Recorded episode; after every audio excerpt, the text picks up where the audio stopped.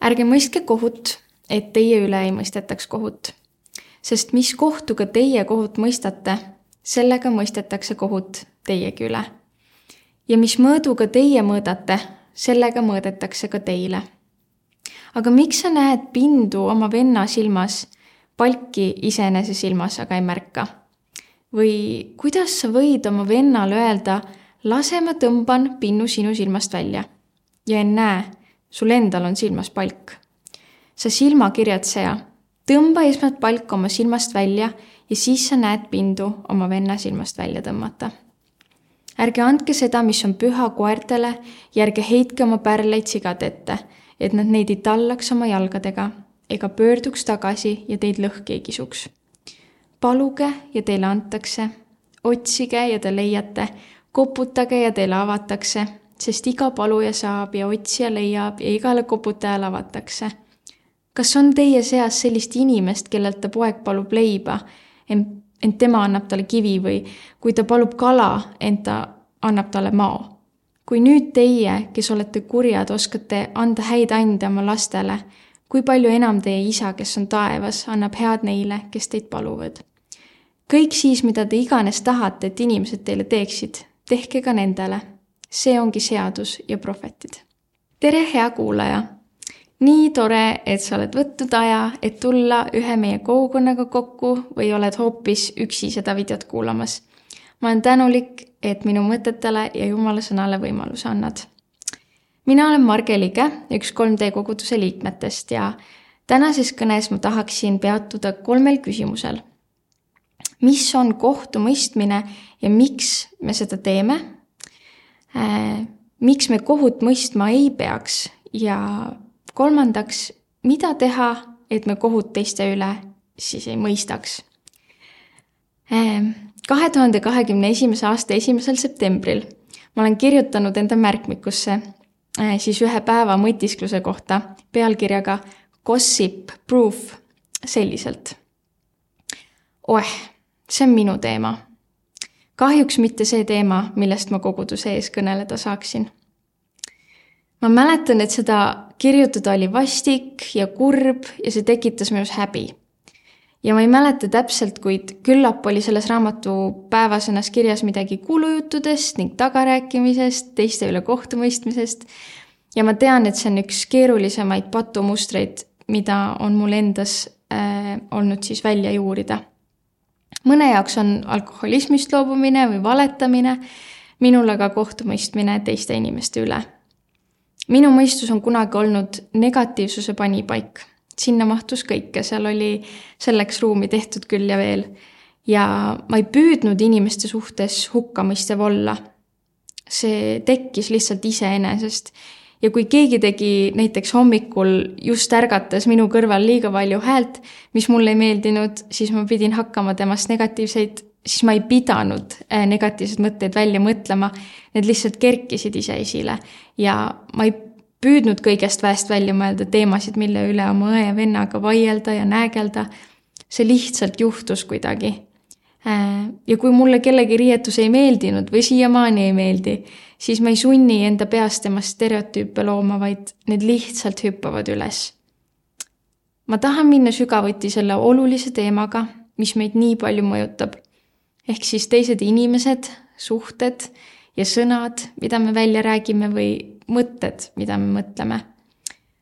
kas pole nii, et mõne inimese sõnad võivad kogu meie päeva või isegi nädala ära rikkuda või kuidagi meid liht-, lihtsalt liimist lahti tõmmata kui sa oled midagi sellist kunagi tundnud, siis on see juba hea koht, kus mõista, et täna võiks sellel kohe pikemalt äh, mõtiskleda ning arutada.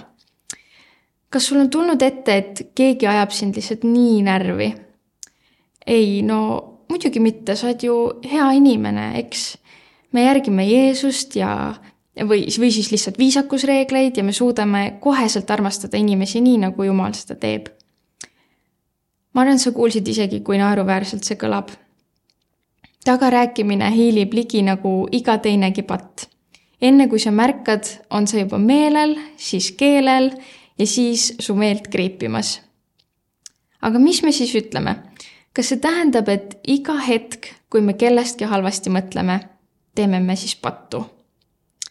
Ma arvan, sellepärast ei pea muretsema, sest inimesed tekitavad meis ikka negatiivseid emotsioone, aga kas me sellepärast peaksime vihastama inimeste peale?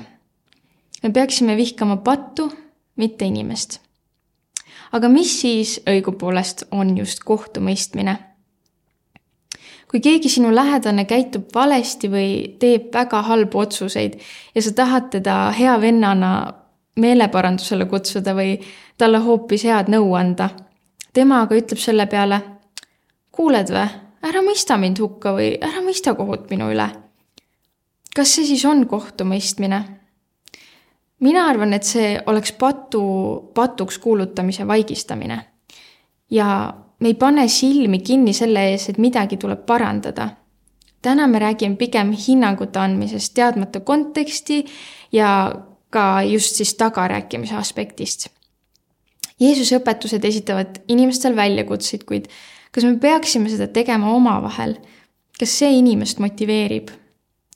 kui me ise puudulikena siis teiste arvelt end hästi tunneme, siis mis motivatsioon on meil endas korrektuure teha?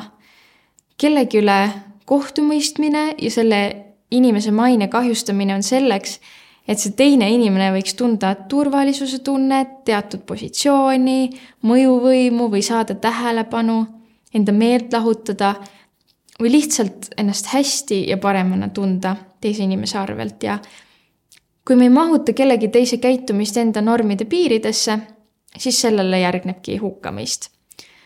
Oleme ju alati üles tõstetud läbi teiste puudujääkide äh, ja minu uhkus kellegi üle kohut mõista tekitab olukorra, kus ma tegelikult iseendast mõtlen automaatselt nendes aspektides paremini.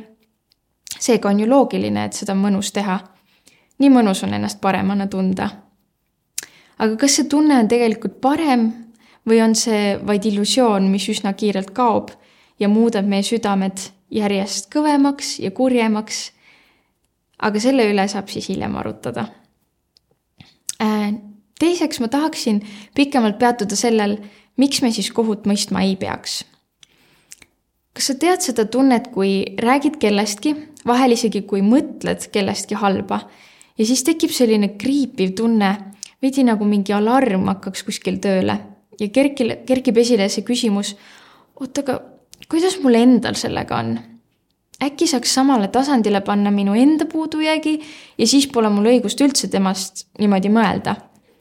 Eks inimesel, igal inimesel kündib see alarm erinevale kaugusele ja oleneb, kui suur ja kiire mõtleja sa oled või kui palju sa oled antud teemale varem mõelnud. aga püha vaim teeb meie südame tõrnaks, nii et kui me kellestki räägime, tunneme, et keegi nagu kontrolliks meid.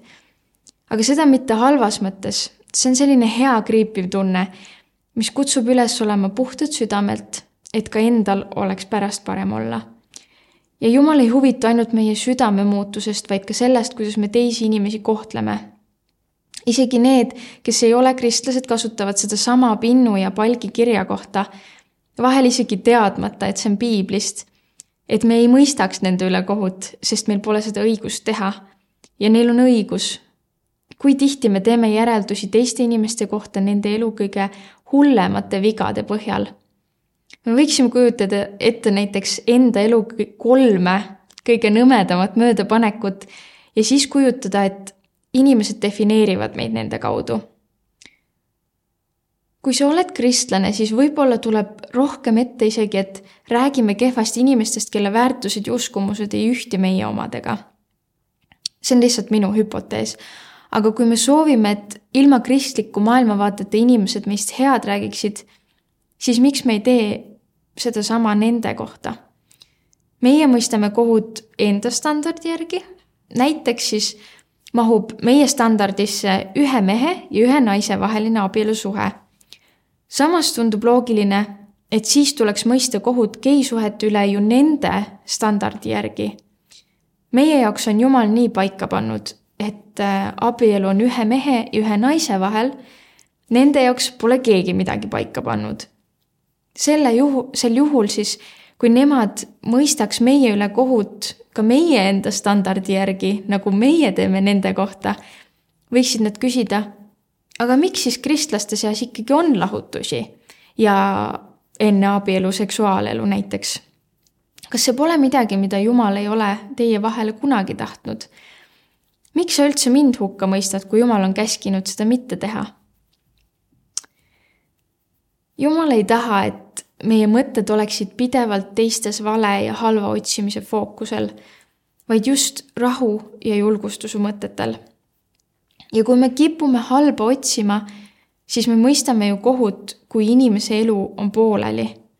kuidas on see erinev Jumala kohtumõistmisest? Jumal vaatab inimese elule tagasi ja mõistab kohut siis, kui inimene on oma eluga ühele poole saanud. aga naljakal kombel kipub inimene alles siis teise kohta kõike head otsima, kui tema elu on läbi saanud. see osa oleks pidanud just domineerima inimese eluajal, nii nagu Jumal seda teeb selliselt püüab ka Jeesus oma mäejutluses meid õpetada. oleme inimeste vastu head. me võiksime olla, kuna me ei tea kunagi täielikult, mida nad võivad elus samal hetkel läbi elada või miks tehakse neid asju, mida meie õigena ei näe. vahel on sellel põhjus ja lõpuks kõik algab alandlikkusest. kui me suudame jääda alandlikuks ning näha enda puudujääke, siis tundub lausa rumal teiste vigu välja tuua. kolmandaks, mida siis teha, et me inimeste ülekohut ei mõistaks? siinkohal on Jumala sõnal väga palju öelda. Kui me ei suuda kontrollida oma keelt, mis on kui laevatüür laeval, siis me ei suuda kontrollida oma elu. mida siis teha? koguja viis üks ütleb, ära ole kärme suuga ja su süda ärgu tõtaku sõna lausuma Jumala ees sest Jumal on taevas ja sina oled maa peal. seepärast olgu su sõnu pisut. mõtetel on meie elu üle tohutu jõud. Need annavad päevale tooni ja mõjutavad seda, mõjutavad, kuidas me teiste inimestega suhtleme. kuidas praktiliselt siis oma mõtteid võiks muuta? keeldu või lükka tagasi see mõte ja asenda see millegi muuga. võta oma mõtted vangi, nagu teise Korintuse kümme viis ütleb kui sa sõidad bussi või autoga ja liiklus lihtsalt ei liigu edasi, sa peatud iga punase tule taga, nii et kõik teised liiklejad ajavad sind juba nii närvi, siis teadvusta seda mõtet. Keeldu selle mõtle, mõtte jätkamine ja lükka see tagasi. kui keegi käitub sinu tujule mittevastavalt ja negatiivne mõte temast kerkib esile, lihtsalt peatu ja lükka see mõte tagasi. millega siis võiks neid mõtteid asendada? Philippi neli kaheksa ütleb viimaks veel, vennad, mis iganes on tõene, mis auväärne, mis õige, mis puhas, mis armastusväärne, mis ülendav ja kui miski on vooruslik ja kui miski on kiidetav, seda arvestage. Inglise keeles, keelses tõlkes ütleb mõelge nende asjade üle. sellepärast ei ole tark jätkata pidevat teistes halva nägemist ja selle väljatoomist parem, parem hakata ise paremaks. selles on, see on, see on alles nakkav või, või äh, kui me leiame pidevalt teistes vigu, mõeldes, et see on ainult tema enda heaks, siis oleme Jeesuse õpetust väänanud ja valesti rakendanud. meid on kutsutud näitama üles tingimusteta armastust, mitte tingimusteta heakskiitu või halvakspanu patuste inimeste tegudele. kuna teiste tagarääkimine on saanud nii normaalseks, siis selle mittetegemine paistab väga hästi välja ja on tunnistuseks Jumala tööst inimeste sees. ma kirjutasin poolteist aastat tagasi enda märkmikusse, et ma ei peaks sellest koguduse ees kõnelema. selle kõne koostamine on mind pannud nii palju sügavamalt enda sisse vaatama ja küsima, kust see kõik tuleb ja kuidas see endast täielikult välja juurida me elame katkises maailmas, mis alati püüab meid vanade harjumuste juurde tagasi tõmmata. Jeesus õpetas seda kaks tuhat aastat tagasi, kuid kogu selle kirjakoha sisu on tänapäeval ikka veel nii aktuaalne ja relevantne. See tähendab, et tegemist on ühe kavala ja pealtnäha süütu harjumusega, mis elab meie kõigi sees ning äh, mida meie ülesanne on üksteist julgustades ja eeskuju näidates koos välja juurida hea sõnum Jeesusest ongi selles, et me ei pea jääma selliseks, nagu me oleme olnud, vaid liikuda ja areneda parimate muutuste poole. Jeesus kutsub meid kõiki meelt muutma, et muutuda rohkem tema sarnaseks. Jeesuse õpetused, täpselt nagu siin mäejutluseski, on mind inimesena nii palju täiendanud ja sellepärast on elu koos Jumalaga alati nii põnev. ta ei mõista meid hukka, kui meie elu on pooleli ja, ja ta ei mõistagi meid kunagi hukka kuid ta aitab meil elada oma täit ja parimat potentsiaali selle evangeeliumi läbi, mille ta on meile jätnud. paluge ja teile antakse, otsige ja te leiate, koputage ja teile avatakse. otsi ja palveta, kuidas kohtumõistmine sinu elu ei mõjutaks. tänan sind kuulamast